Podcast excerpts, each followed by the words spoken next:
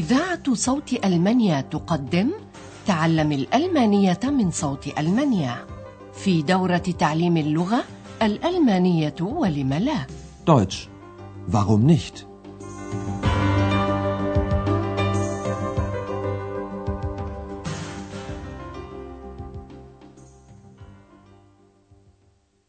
Liebe Hörerinnen und Hörer.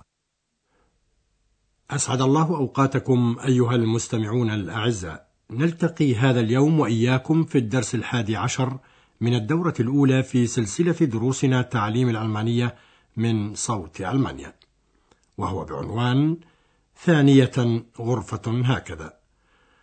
تذكرون أيها الأعزاء كيف أن إكس في الدرس الماضي أمطر أندرياس بوابل من الأسئلة. Arbeitest du? Arbeitest du viel? Bist du glücklich? مثل هذه الأسئلة يجاب عليه فقط بنعم أو بلا فهي أسئلة لا تتضمن ضمائر استفهامية ويأتي الفعل فيها في المقام الأول وكان ضيف جديد من ضيوف فندق أوروبا قد وصل إليه وهو السيد ماير ووصوله أنقذ أندرياس وخلصه من الفضولي إكس حيث سأل الزائر عما إذا كانت هناك حجرة خالية Ist noch ein Zimmer frei? وأعطي الضيف الحجرة رقم عشرة وأجرتها 120 ماركا وهو بدوره ينوي النزول في الفندق يومين أو ثلاثة أيام وصعد الضيف إلى حجرته وراح يعزف على نايه قليلا مما سر أندرياس غير أن إكس رفع صوته راجيا الهدوء! Ruhe bitte!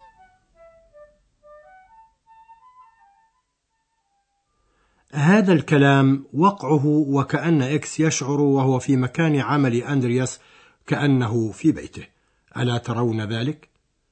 ومن جهة أخرى يحس كذلك بعضهم من نزلاء الفنادق وكأنهم في بيوتهم وهذا ما لا يسر مستخدميها الذين عليهم أن ينظفوا أو يرتبوا الحجرات هيا نستمع الآن إلى وضعية الحجرة عشرة التي ينزل فيها السيد ماير وكيف هو رد فعل هنا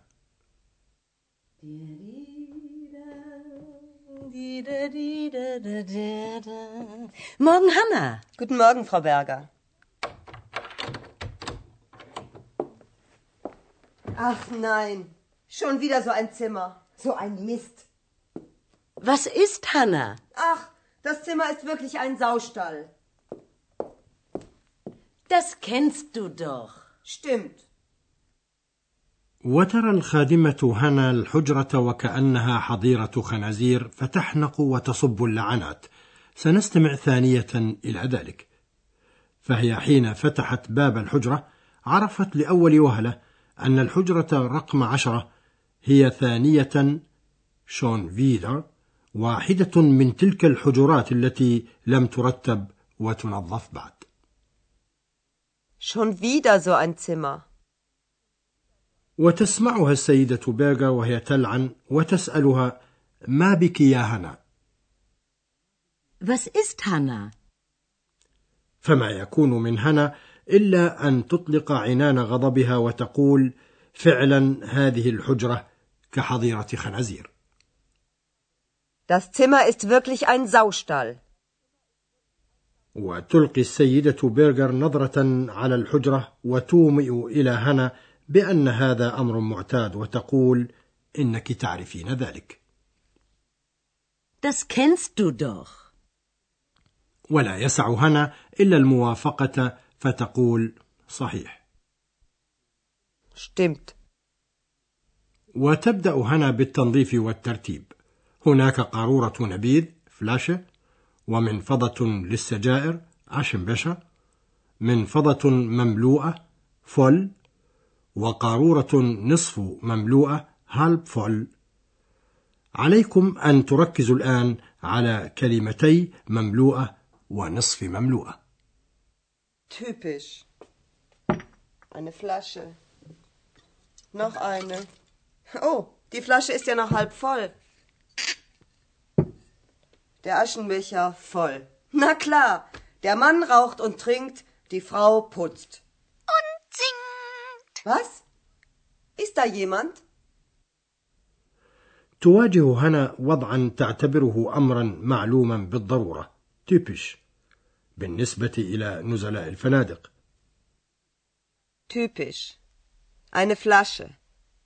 Noch eine. Oh, die Flasche ist ja noch halb voll.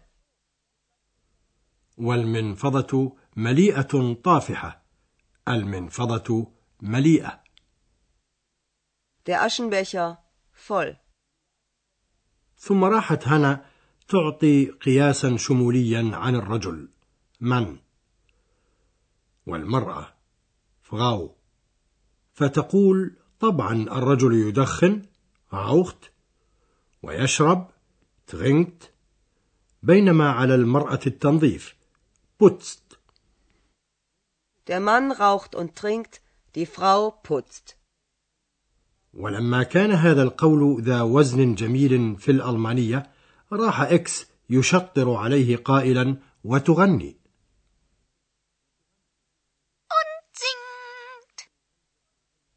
هذه الغمزة روعت هنا تماما فهي لم تسمع هذا الصوت من قبل في الوقت الذي لم تر فيه أحدا فتهيب سائلة هل من أحد هنا؟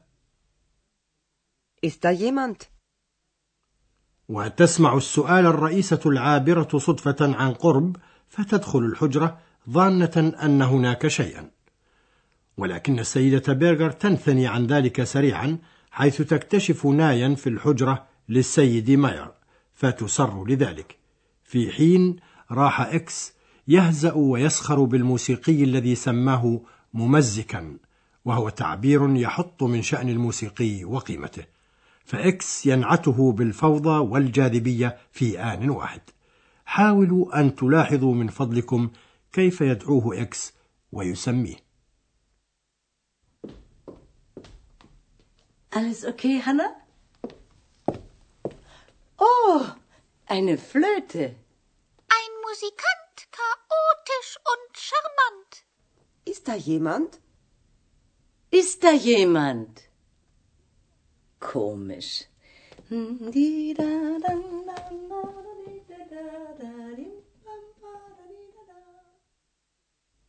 ويصف إكس الموسيقية أيضا بأنه جذاب شارمنت والآن نريد أن نشرح لكم تركيبا لغويا مميزا في اللغة الألمانية هو أداة التعريف.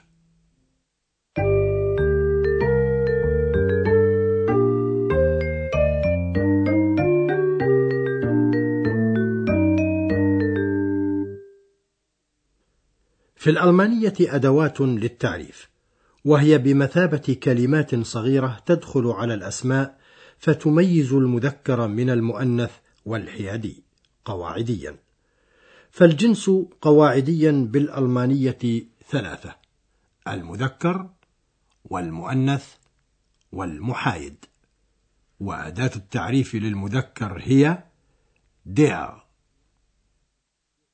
Der Mann. Der Mann.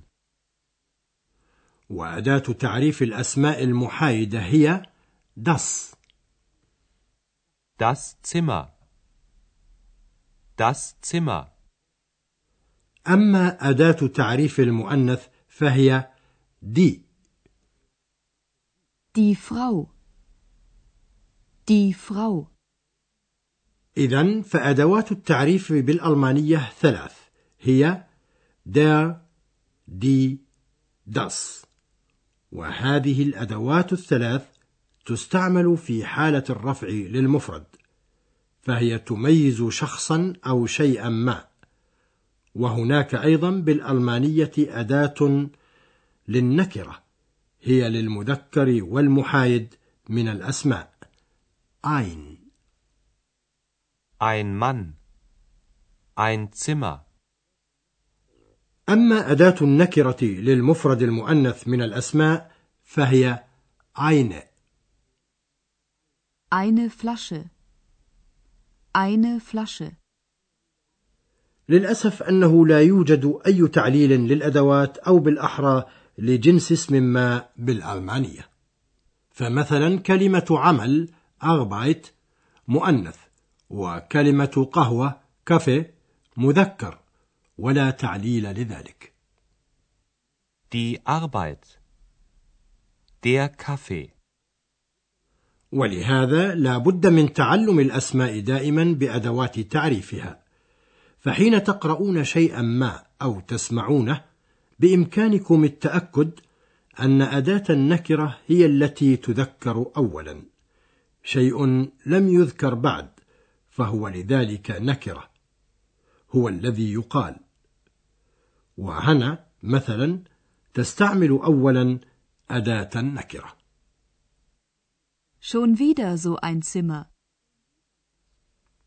أما إذا كان الأمر متعلقا بشيء مر ذكره فتستعمل عندئذ أداة التعريف فحين تصف هنا الحجرة بأنها فوضى تقريبا تستعمل أداة التعريف Das Zimmer ist wirklich ein Saustall.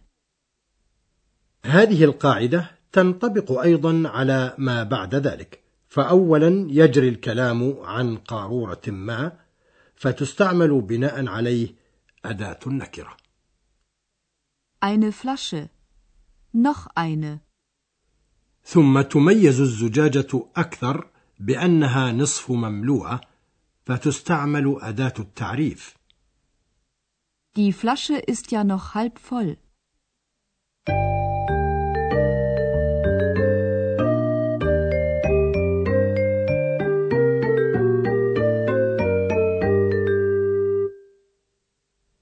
لنستمع الآن ثانية إلى سائر الحوار. وما عليكم إلا أن تصغوا بكل ارتياح كي تتمكنوا من التقاط الكلمات.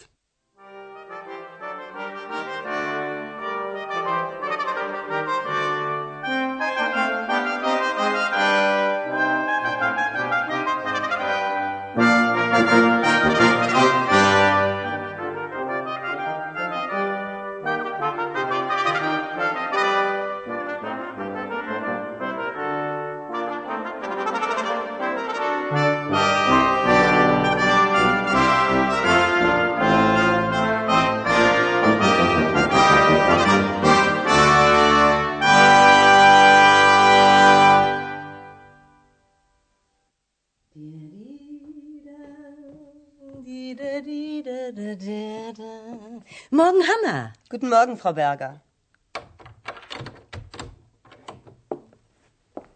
Ach nein, schon wieder so ein Zimmer. So ein Mist.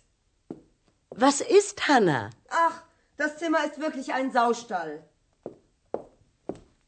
Das kennst du doch. Stimmt. وتأخذ هنا بترتيب الحجرة Typisch. Eine Flasche. Noch eine.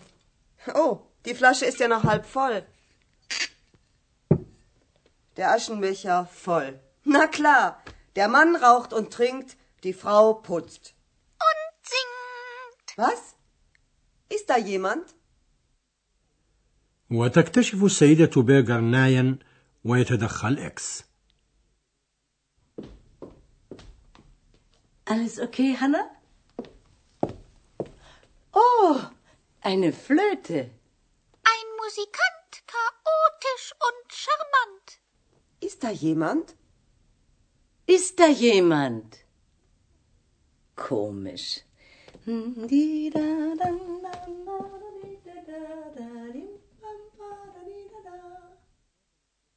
في هذا القدر كفاية اليوم وحتى الدرس القادم أستودعكم الله وإلى اللقاء Bis zum nächsten Mal. استمعتم إلى درس من دروس تعليم الألمانية الألمانية ولم لا Deutsch. Warum nicht? وضعه هيراد ميزه وأنتجته إذاعة صوت ألمانيا ومعهد جوته في مونيخ